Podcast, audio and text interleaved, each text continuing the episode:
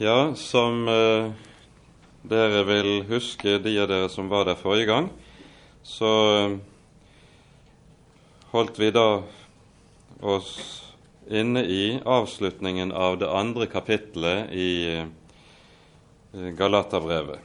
Vi skal fortsette der i dag. Eh, Det er enda et par ting vi skal stanse for i slutten av kapittel to, og så se på begynnelsen av kapittel tre videre. Så vi kommer da til å ta for oss fra 2.19 til og med 3.5 i aften, slik at dere er forberedt på den sak. Men la oss be sammen.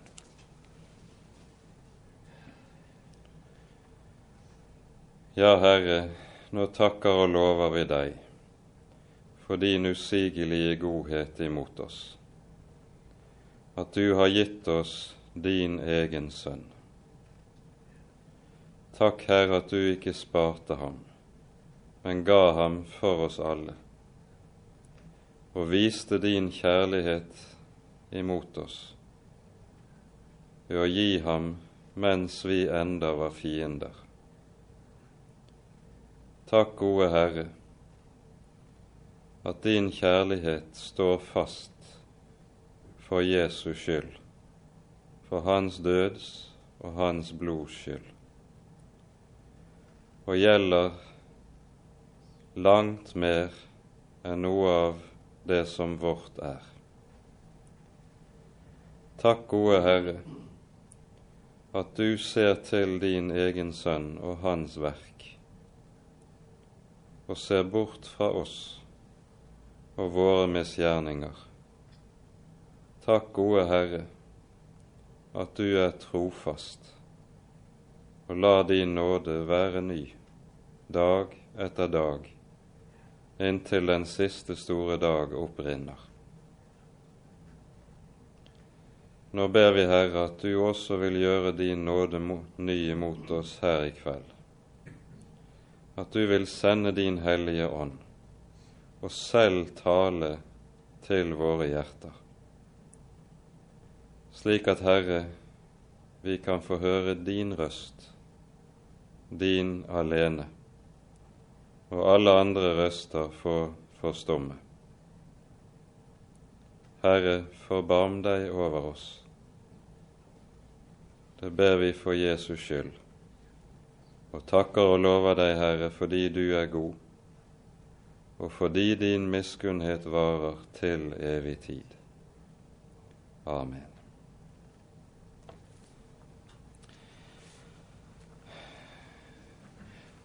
Hører alle når det er sånn som det er nå?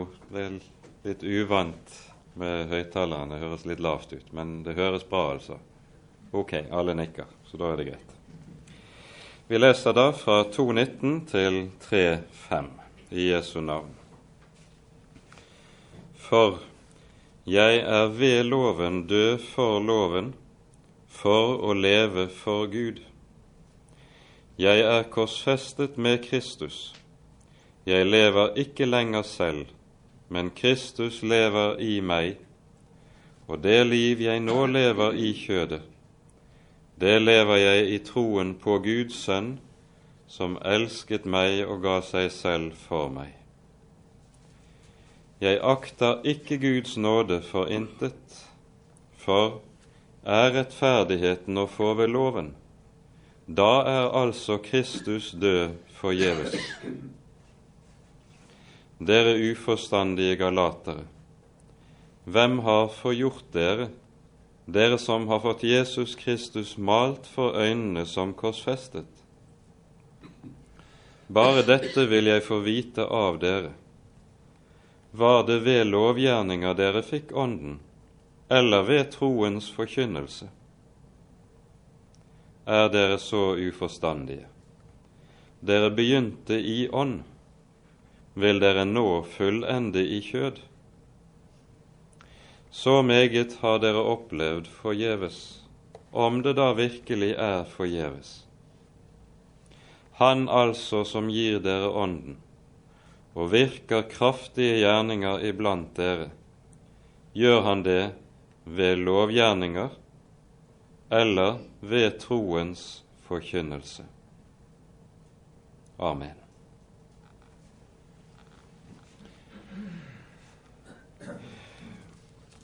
De to første versene som vi leste her, de behandler det som er det store og grunnleggende enten-eller i en kristens liv liv og død. Kanskje er det galt å si enten-eller, kanskje skulle vi heller si både-og. Fordi det er slik at det kristne livet kun blir sant dersom vi også dødes. Og de to tingene hører da på det aller nærmeste sammen. Og så peker Paulus i vers 19 og 20 på hvorledes både loven og evangeliet har en dødende gjerning i livet vårt. Det på noe forskjellig måte, men felles er for dem begge at et sant liv i den Herre Jesus er betinget av og henger med nødvendighet sammen med en dødelse av det gamle mennesket.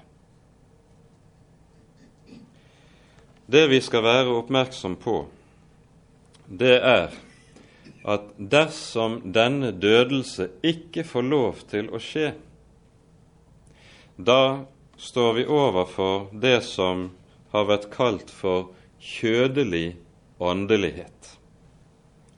Det gamle mennesket vil nemlig meget gjerne være åndelig. Det gamle mennesket er også meget religiøst. Og Derfor har det gamle mennesket det med seg at er det noe det mer enn annet viker unna og vil slippe, så er det nettopp det å dødes og å korsfestes. Vi har et, så å si et urbilde på dette i den lille beretningen om Peter i Matteusevangeliets 16. kapittel. Og Jeg tror vi tar oss tid til å lese de par versene. Her husker dere vi først hører beretningen om hvorledes Peter avlegger den store bekjennelse. Du er Messias, den levende Guds sønn. Og så sier Jesus til Peter, sannelig, sannelig Først sier han, salig er du, Simon, Jonas' sønn. Dette har ikke kjøtt og blod åpenbart deg, men min Far i himmelen. Du er Peter, og på denne klippet skal jeg bygge min kirke. Og så er det like som Jesus løfter Peter like inn i himmelen. Og Kanskje er det da blitt slik at Peter er begynt å bli stor på det. For det som nå følger, er at når disiplene nå har innsett hvem Jesus er, hemmeligheten med Jesu person, at han er Messias, så må Jesus da umiddelbart begynner å undervise disiplene om hva slags Messias han er. Nemlig, han begynner å tale om sitt kors, sin lidelse og sin død. Han er altså ikke en slik Messias som jødene ventet. Og De ventet slett ikke noen lidende Messias. Og Derfor begynner Jesus å undervise om korset. Og da er det Peter drar Jesus til side, og vi hører at Peter irettesetter Jesus. Han er antagelig blitt litt for stor på det, og så er det at Jesus taler til Peter og sier disse forferdelige ordene vi hører i vers 23. Jesus vendte seg og sa til Peter, Vik bak meg, Satan. Du er meg til anstøt, for du har ikke sans for det som hører Gud til, men bare for det som hører mennesket til. Det som vi hører hos Peter, det er det som er det naturlige menneskets anstøt mot korset. I første omgang ytrer det seg i møte med Kristi kors, budskapet om Jesu lidelse og død. Men dette anstøt ytrer seg også i møte med vårt eget kors. Og derfor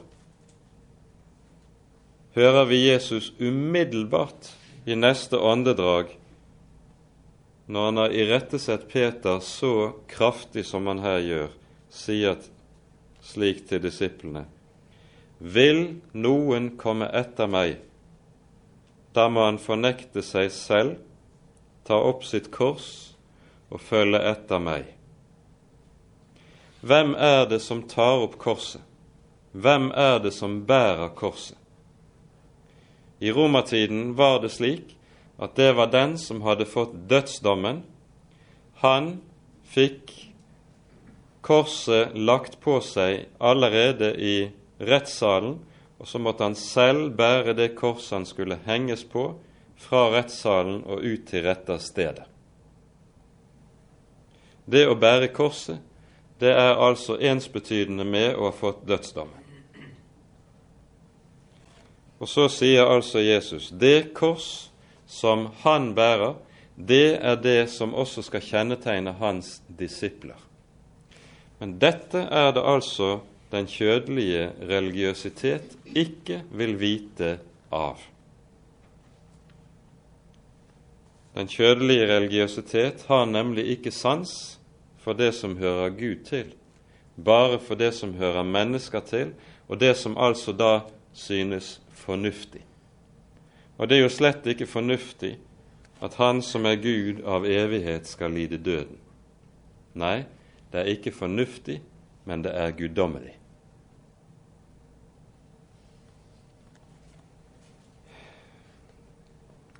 Denne den kjødelige religiøsitetens ønske om å unngå døden og å unngå korset, den møter vi på ny og på ny i Den hellige skrift, fordi vi møter den på ny og på ny i våre egne liv. Et eksempel til kan hentes frem fra profeten Jesaja 26. kapittel. Og Her møter vi noen vers som er overmåte viktige å ta med seg. Vi leser, jeg tror vi for sammenhengens del leser fra vers 8 til og med vers 11 i Jesaja 26. På dine dommers vei, Herre, ventet vi deg også. Til ditt navn og ditt minne sto vår sjels attrå. Med min sjel lengtes jeg etter deg om natten, og med min ånd søkte jeg deg. For så snart dine dommer rammer jorden, lærer jordboerne rettferdighet. Hvilke dommer er det tale om her? Det er dommen til døden, det er dommen til korset. Og så kommer det. Men dersom den ugudelige får nåde, så lærer han ikke rettferdighet. I rettvishets land gjør han urett og han ser ikke Herrens høyhet. Herre, høyt opphøyet var din hånd, men de så det ikke. Det som skjer om ugudelige mennesker får budskap om nåde, nemlig uten dommen til døden over det gamle mennesket, da skjer nettopp det som vi her hører, i rettvishets land gjør han urett. Da skjer det som vi ser altfor mye av for våre øyne i disse dager, at mennesker søker å forene et liv i synd med kristenstand.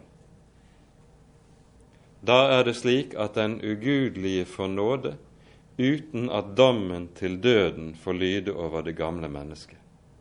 Den slags nåde elsker det gamle mennesket. Den slags nåde er det som fremstilles i, med ordene Guds kjærlighet betyr at Gud aksepterer deg slik som du er. Men det er jo nettopp det Gud ikke gjør. Gud aksepterer oss ikke slik som vi er. Slik vi er, er vi undergitt dommen. Gud elsker oss slik som vi er, men slik vi er, er vi også underkastet dommen og døden. Det som dette innebærer, det er at dersom det gamle mennesket på denne måten får en slik falsk nåde, det som har vært kalt for billig nåde, det er at en får en type kristendom som er uten Guds frykt. Der en lettvint omgås Gud uten den frykt som nettopp hører sammen med bevisstheten om at den Gud vi har med å gjøre, er den hellige Gud. For nettopp dette er det som er så å si det grunnleggende inn i det vi her taler om. Når dommen til døden og nåden til livet hører sammen som to sider av samme sak,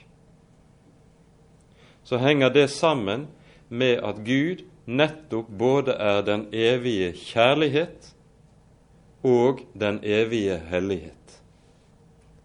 I sin hellighet kan han ikke la synden og det gamle mennesket overleve.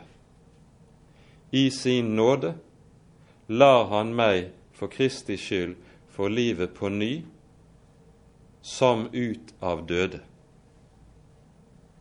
Og lar meg gå sammen med sin sønn ut av død og grav til det nye livet. Det henger altså på grunnleggende måte sammen med at når Gud er den han er, den hellige og den barmhjertige, slik er han også den som døder og gjør levende, og slik skapes det nye livet i Kristus. Og fordi denne dobbelthet står der, for oss virker det paradoksalt, det kan virke selvmotsigende at Gud både er hellig og kjærlig. Så betyr det for vår del at en kristen alltid lever i en forunderlig dobbelthet, nettopp i møte med Gud. En dobbelthet som innebærer at han på den ene side skal få lov å stå i det aller mest fortrolige forhold til den hellige Gud, som et barn som påkaller Gud som far. Abba, far. Abba betyr pappa. Det er det mest fortrolige forholdet mellom barn og den kjærlige far. Og samtidig det underlige at det også er en Gud som vi frykter. Hos Jesaja sies det slik i det åttende kapittel i hans bok, og det er ingen motsigelse i dette. Herren, herskarenes Gud, han skal dere holde hellig, han skal være deres frykt, han skal være deres redsel. Der vi opplever og der vi ser det som vi altfor ofte kan gjøre i våre dager, at det som her sies, blir borte. Gudsfrykten blir borte. Agen innenfor den hellige, den levende Gud blir forsvinner, til fordel for en eller annen fortrolig kjomslighet i omgangen med Gud. Det henger det sammen nettopp med at den hellige Gud er blitt borte, Budskapet om kjødets dødelse er blitt borte i dragsuget på dette, og så har denne Peters ånd fått komme inn, som bare har sans for det som hører mennesket til, ikke for det som hører Gud til. En kristen lever i denne dobbelthet, og det er helt nødvendig at vi har klarhet i dette. Uten det så får man den kjødelige åndelighet og den er livsfarlig. Den er livsfarlig fordi den er så bedragerisk. Den er livsfarlig fordi den har en alliert i våre egne, våre egne hjerter. Det gamle mennesket vil gjerne være åndelig, vil gjerne være religiøs og from. Men når det gamle mennesket på den måten gir seg ut for å være en kristen i stedet for å dø, da får du den kristendom som taler gjennom Peters munn.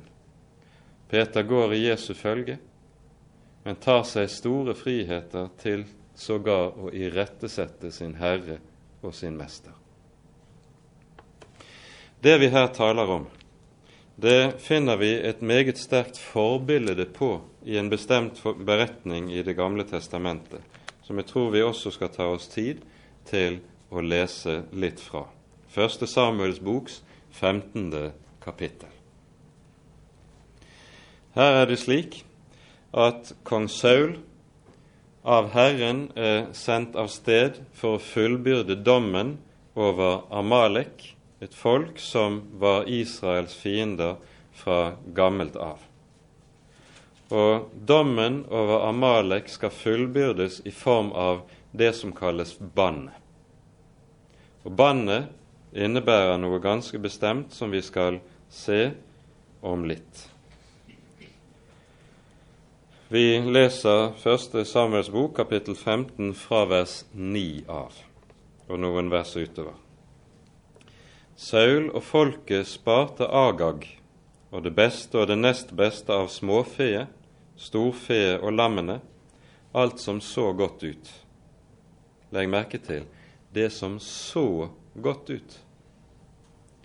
Og de ville ikke slå det med bann, men alt fe som var ringe og usselt, det slo de med bann. Da kom Herrens ord til Samuel, og det lød således. Jeg angrer at jeg har gjort Saul til konge, for han har vendt seg bort fra meg og ikke holdt seg etter mine ord. Da opptente Samuels vrede, og han ropte til Herren hele natten.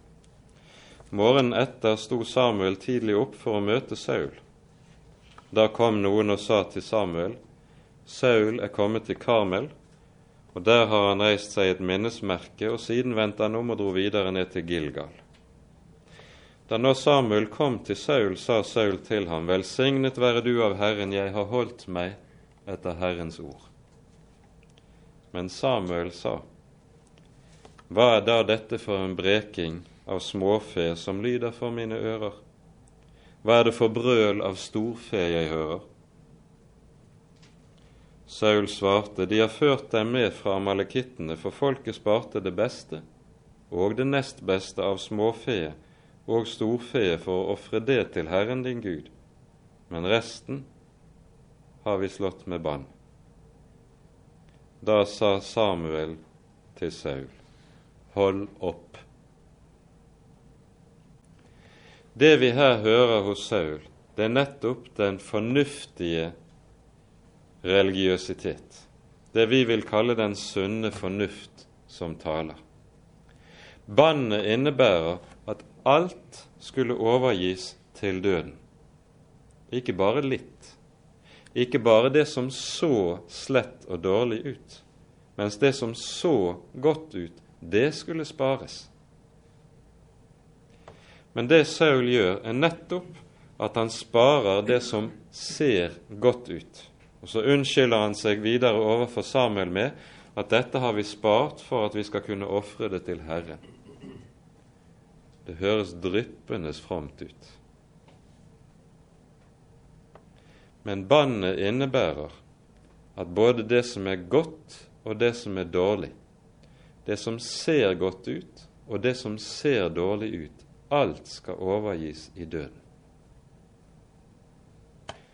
Og Nettopp dette er et bilde på det som skal skje, og som Paulus taler om her i Galatane 2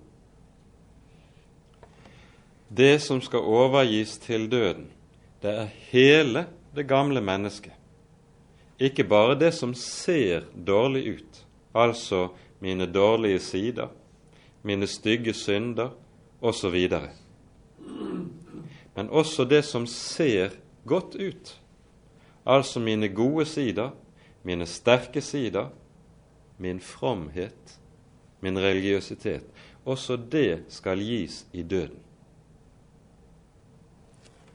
For selve begrepet kjød, slik, slik, som det brukes i Bibelen, det brukes som betegnelse ikke bare på det som ser dårlig ut hos meg, men det brukes i Bibelen som betegnelse på hele det gamle mennesket. Alt skal overgis i døden. Jeg skal ikke tjene Gud ved hjelp av mine gode sider. Jeg skal ikke tjene Gud ved hjelp av min menneskelige styrke osv. Alt hører døden til, alt hører korset til. Der det ikke skjer, der jeg gjør som Saul, at jeg sparer halvdelen, det som ser godt ut, der skjer også det som vi hører i denne fortellingen når Samuel sier, som vi hører det, hva er det da for breking av småfe og brøl av storfe du hører? Det blir ingen stillhet. Det blir uro, det blir støy, det blir alt mulig som hindrer den stillhet for den hellige Guds ansikt som nettopp hører med med dette, at Gud får døde og gjøre levende. Og Derfor er det også at i, vi kan se for våre øyne at der hvor dette budskap ikke får lov til å stå der med full tyngde, der fylles også Guds rike med all slags brøl av små, storfe og breking av småfe. Det blir aldri ro. Og så er det noen arme sjeler som kjenner sin Herres røst, og som vet hvem de tror på, som plages så inderlig av at de aldri får ro og fred når de kommer sammen, fordi det stadig er denne typen uro som kommer fra kjødets religiøsitet imellom oss. Der dødelsen ikke får lov til å skje, blir det ingen gudsfrykt. Der dødelsen ikke får lov til å skje, blir det ingen stillhet. Der dødelsen ikke får lov til å skje, blir det ingen bien etter Herren. I stedet løper man omkring i forvirrete forestillinger om og innbilning om at vi tjener Herren. Det var jo det Peter gjorde. Meget velmenende trodde at han skulle hjelpe den Herre Jesus. Så går han i stedet i veien for ham. Vik bak meg, Satan, lyder det.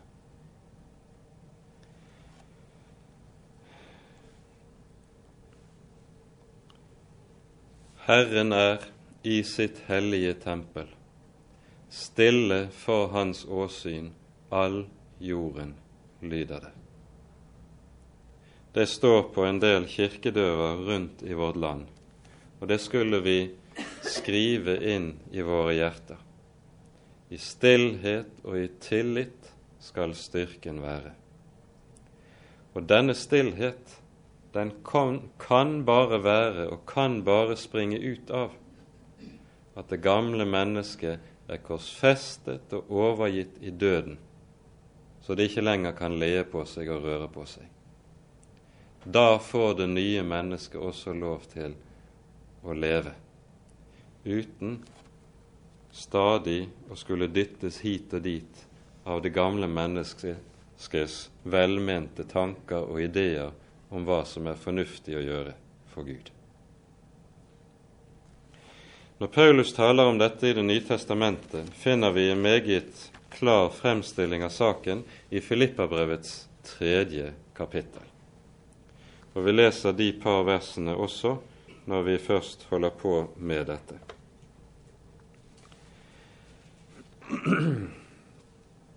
Først taler Paulus om hvorledes han, om noen hadde rett til å rose seg, så var det i hvert fall han som hadde det.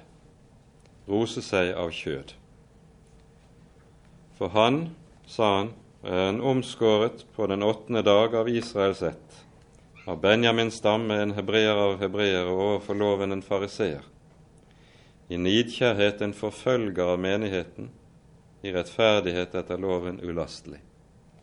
Men, sier han, det som var meg en vinning, det har jeg for Kristi skyld aktet for tap. Ja, jeg akter i sannhet alt for tap, fordi kunnskapen om Kristus Jesus min Herre er så meget mere verd, Han, for hvis skyld jeg har lidd tap på alt, og jeg akter det for skarn for at jeg kan vinne Kristus og finnes i ham, ikke med min rettferdighet, den som er av loven, men med den som fås ved troen på Kristus, rettferdigheten av Gud på grunn av troen, så jeg kan få kjenne ham og kraften av hans oppstandelse, samfunnet med hans lidelser, idet jeg blir gjort lik med ham i hans død, om jeg dog kan vinne fram til oppstandelsen fra de døde. Dette er det underlige. Alt det som så godt ut, og som Saul sparte, det har Paulus overgitt i døden, akter det som skaren, sier han. Skaren det er noe som ligger på avfallsdyngen og råtner fordi det lukter ille. Det er skarnet. Og slik er det Paulus akter det som ser godt ut, ikke det som ser dårlig ut, men altså det som var det aller beste i hans liv. Det har fått den dommen. Slik taler Bibelen om det gamle mennesket. Det gamle mennesket skal ikke forbedres. Det gamle mennesket skal dø. Det er det som er saken. Og bare der det gamle mennesket er overgitt til døden slik, kan det nye mennesket få de rette livs vilkår, så du får den kristendom og kristen tro som Paulus taler om i denne sammenheng. Jeg er ved loven død for loven, for å leve for Gud. Jeg er korsfestet med Kristus. Jeg lever ikke lenger selv, men Kristus lever i meg. Og det liv jeg nå lever i kjødet, det lever jeg i troen på Guds sønn, som elsket meg og ga seg selv for meg. Å være en kristen er å leve i og ved Jesus. Det er ikke å leve i og ved noe som er i meg selv, eller for å si det på en annen måte i og ved loven. For det er én og samme sak. Og det er viktig å understreke. En kristen lever i og ved Jesus. Det er Jesus som er mitt liv. Når Paulus skal utlegge dette videre, som vi f.eks. hører det i 1. Korinterbrevs første kapittel, så sier han av ham, altså av Gud, er dere i Kristus Jesus, som er blitt oss visdom fra Gud, rettferdighet fra Gud, helliggjørelse og forløsning. Det er Jesus som er min visdom. Det er Jesus som er min helliggjørelse. Det er Jesus som er min styrke. Det er Jesus som er min vei. Det er Jesus som er mitt liv. Jesus er mitt alt. Det er ikke jeg som skal bli mer og mer hellig. Det er Jesus som er min helliggjørelse. Det er ikke jeg som skal bli mer og mer vis. Det er Jesus som er alt dette. Og Det å være en kristen, det består nettopp i at mitt gamle dødes, legges i grav, for at Jesus skal vinne skikkelse i meg, og jeg blir avhengig av ham. Dette anskueliggjør Paulus på to måter. For det første, som vi hørte det i vers 19, jeg er ved loven død for loven. Hva vil det si å være død ved loven? Jo, loven har en bestemt gjerning. Den skal ikke hjelpe meg til liv, men tvert om, den skal døde. Loven har en dødende og drepende gjerning overfor det gamle mennesket. Det taler Paulus meget sterkt om i 2. Korinterbrevs 3. kapittel, og sier at loven har en dødens tjeneste. Og Der loven får lov til å gjøre denne gjerning, så skjer det at jeg ved loven død, blir død for loven. Hva vil det si å være død for loven? Det betyr at når jeg er død, så har da loven ikke lenger noe å si. For å bruke et litt grovt bilde har du et lik som ligger der, så kan du ikke si til det, denne døde gjør ditt eller gjør datt. Han kan ikke på din befaling løfte armen. Han er død. Din tiltale og din befaling vil ikke utvirke noe som helst fordi kroppen er død og kan derfor ingenting gjøre. Nettopp dette er det som skjer der loven får gjøre sin gjerning. Jeg er ved loven død for loven. Og så kommer det for å leve for Gud. Og det er det underlige.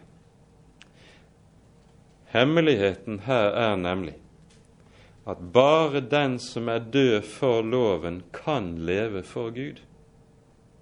Bare den som er død for loven, kan bære frukt for Gud. Og Dette taler Paulus om i Romerbrevets syvende kapittel. Vi rekker ikke å gå veldig mye inn på dette, men han bruker bildet av en kvinne som er gift med en mann, og så dør mannen. Og Dermed er hun fri fra loven som har bundet henne til hennes første mann. Og Så sier han som en utledning av dette bildet i vers, Romane, 4, i vers, Romane 7, vers 4. unnskyld. Derfor, mine brødre, døde også dere fra loven ved Kristi legeme for at dere skulle høre en annen til, Han som er oppstanden fra de døde, så vi kan bære frukt for Gud. Legg merke til hvordan Paulus uttrykker seg. Så vi kan bære frukt for Gud. Vi skal komme tilbake til dette lenger ute i Galaterbrevet, men si det ganske kort allerede i denne sammenheng. Her peker Paulus på det som er helliggjørelsens hemmelighet. Helliggjørelsens hemmelighet består ikke i at jeg blir ekstra flink til å ta loven på alvor. Nei, helliggjørelsens hemmelighet består i at jeg død og fri fra loven er forenet med Kristus, og så er det Kristus som vinner skikkelse i meg. Eller for å si det på en annen måte loven krever helliggjørelse, men den er ikke i stand til å gi og virke helliggjørelse. Det kan nemlig bare det skje som vi her hører, at du forenes med Kristus. Dette kommer vi tilbake til. Vi kan ikke tale mye mer om det i dag. Deretter så peker altså Paulus på at det å være høre Jesus til, det er å bli forenet med hans korsfestelse, hans død og hans oppstandelse. Denne forening trer i kraft i og med dåpen. Det er hovedtemaet i Romerbrevets sjette kapittel, og vi kommer til å komme tilbake til det som har med dåpen å gjøre, litt lenger ute i det tredje kapittelet i Galaterbrevet.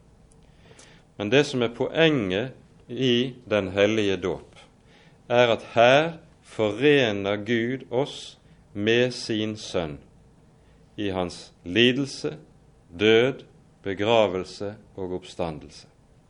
Det gamle mennesket korsfestes med Kristus, dør og begraves med Han. Og så, like som Kristus går ut av graven, som seierherre over synd og død og helvete og djevel, så går det nye mennesket ut av graven i Kristus,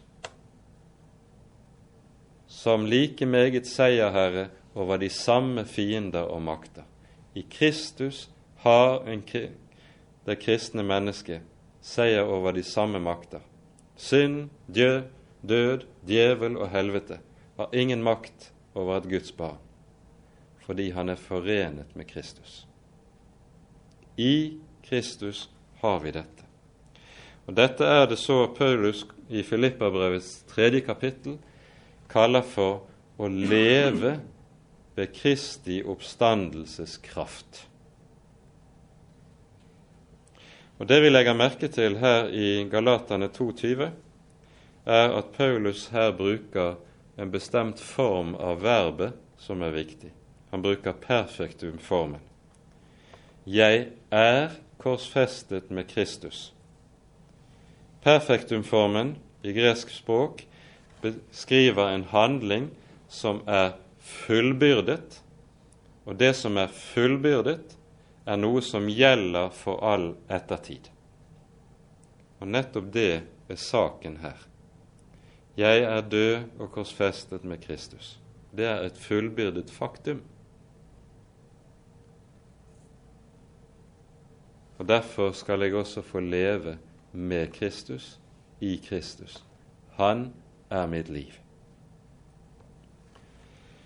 Det kristne liv det er altså et liv som består i å være forenet med Jesu død og Jesu oppstandelse. Vi lever ved ham. Det er hemmeligheten. Og Derfor består et sant kristent liv aldri primært i spørsmålet som det naturlige mennesket av sin loviskhet alltid er fiksert på hva skal jeg gjøre, hva skal jeg ikke gjøre? Men sinnet er rettet mot Jesu person. Hva har jeg i Jesus? Hvem er Jesus? Hva er det Gud har gitt meg i ham? Derfor sier Paulus i Kolosserbrevets tredje kapittel La deres hus stå til der oppe, til det som er der oppe, der Kristus sitter ved Guds høyre hånd i himlene. For vårt liv er skjult med Kristus i Gud. Og dette er troens stadige øvelse. For her handler det nettopp om tro. Ser du ditt liv i Gud? Ser du på deg selv, så ser du intet annet enn deg selv. Du ser din egen skrøpelighet, du ser dine egne nederlag. Du ser alt det som likesom drar oss og lugger oss i beina for å dra oss ned. Sånn er det når vi ser på oss selv. For denne rettferdighet er ikke noe vi kan se med våre øyne, men det er noe som vi eier ved troen og kun ser i troen.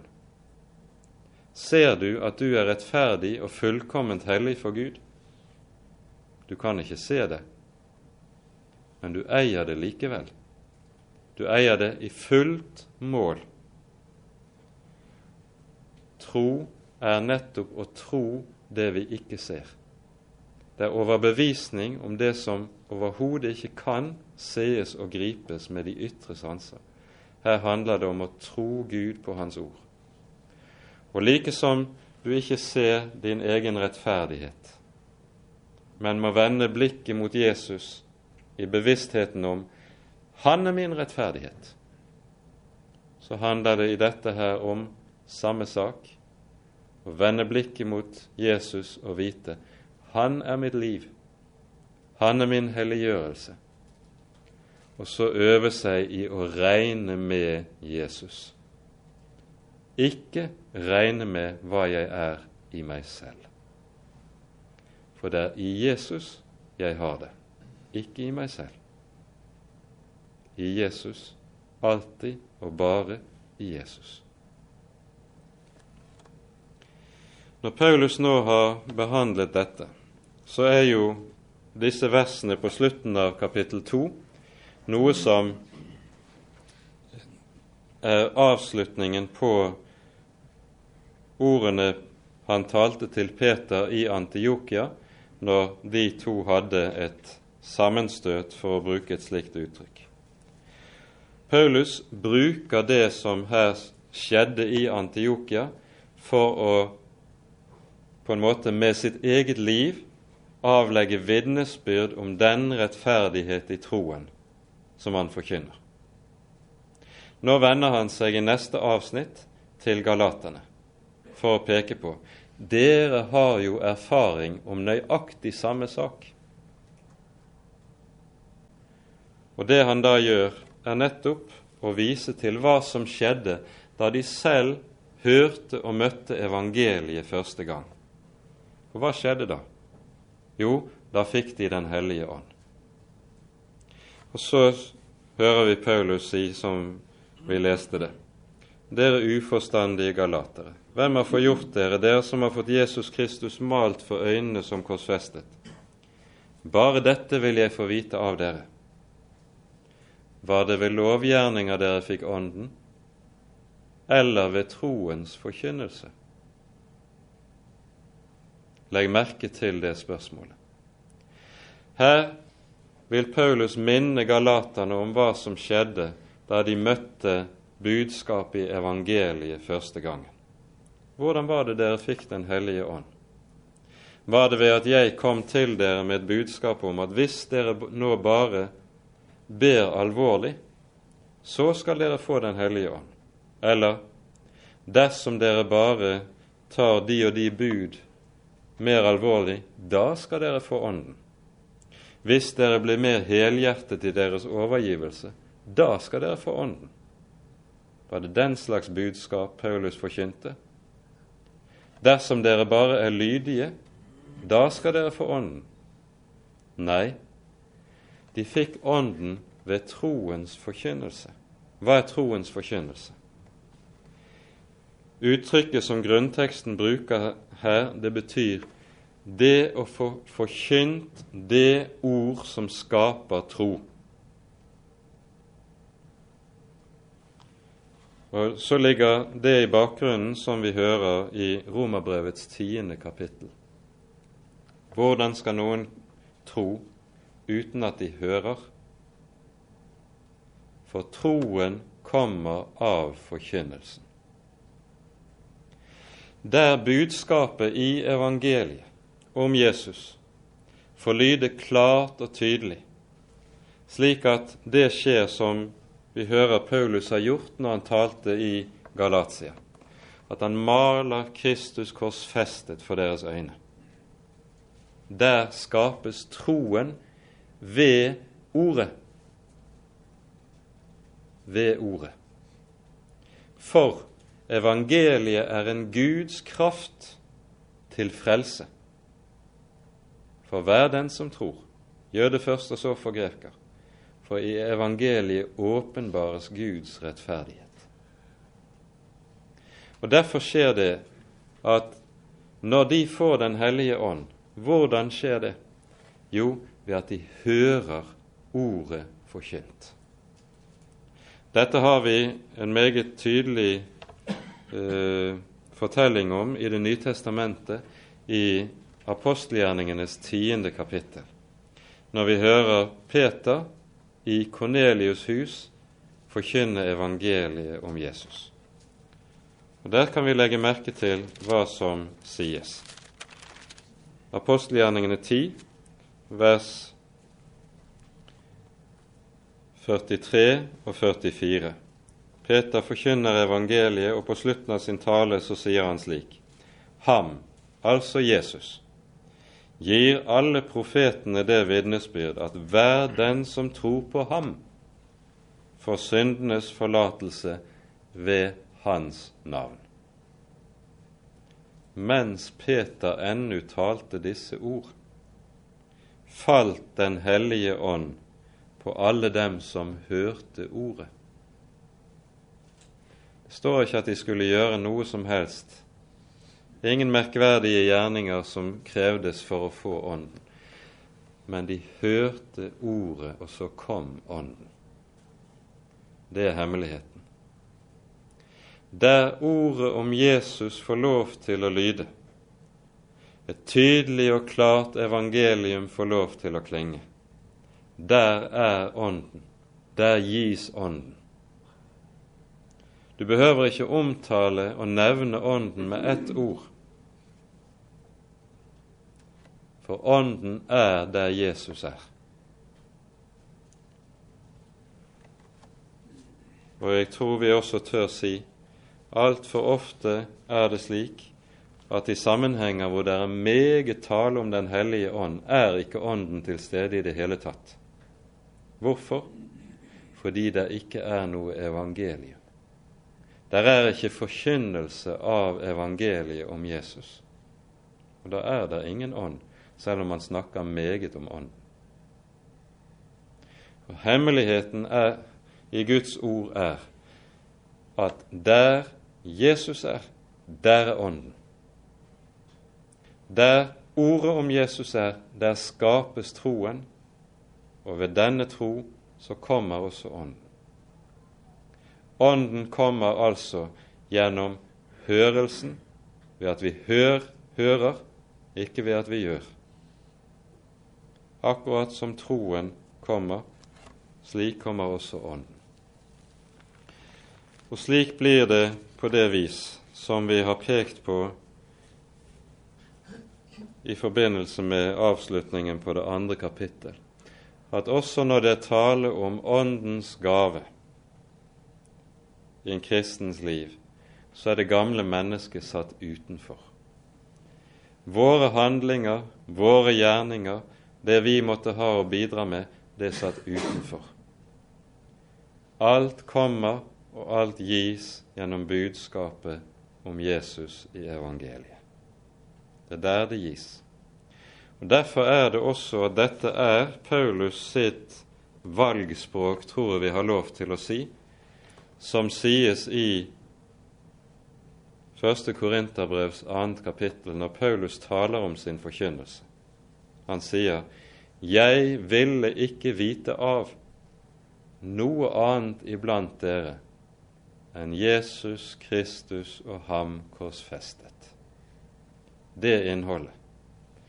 For Gud har fattet det, den beslutning i sitt hellige råd at der Hans Sønn er, der er også alt annet som hører Hans rike til.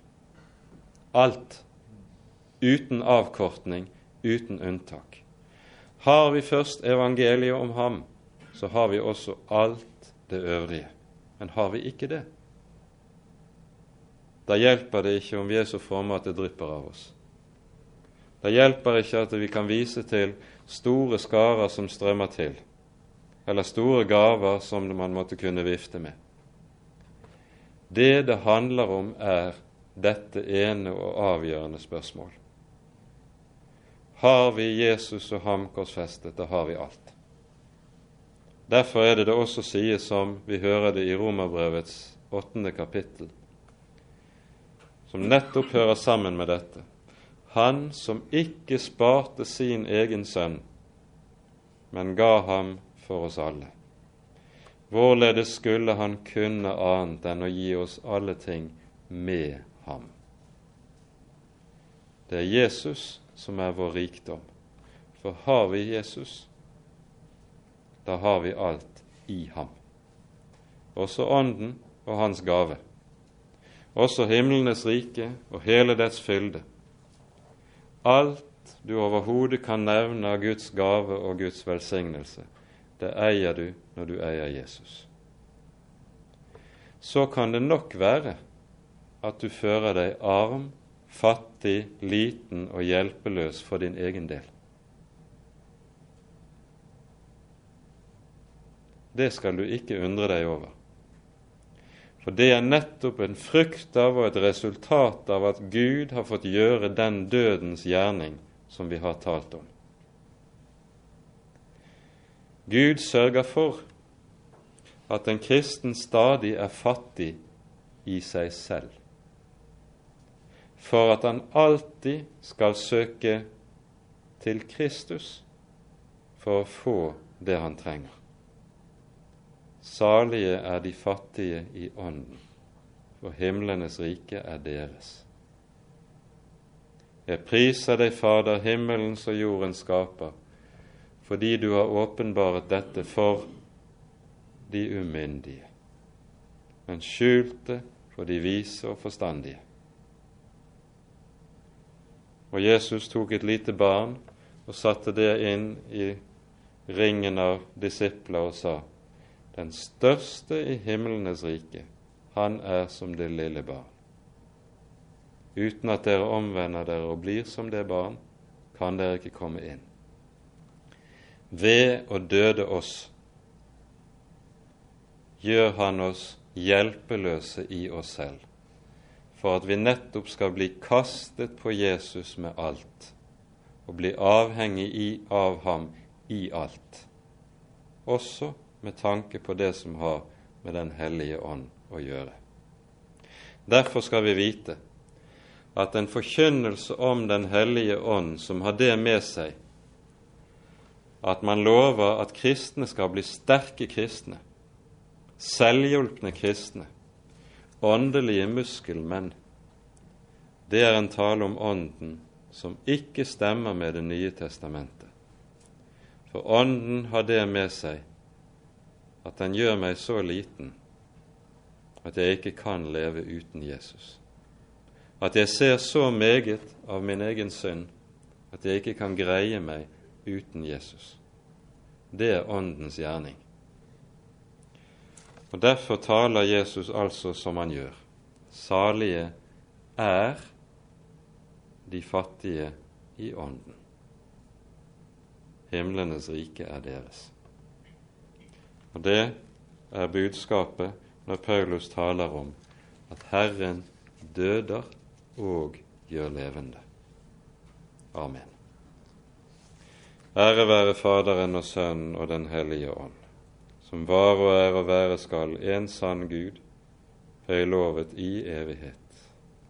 Amen.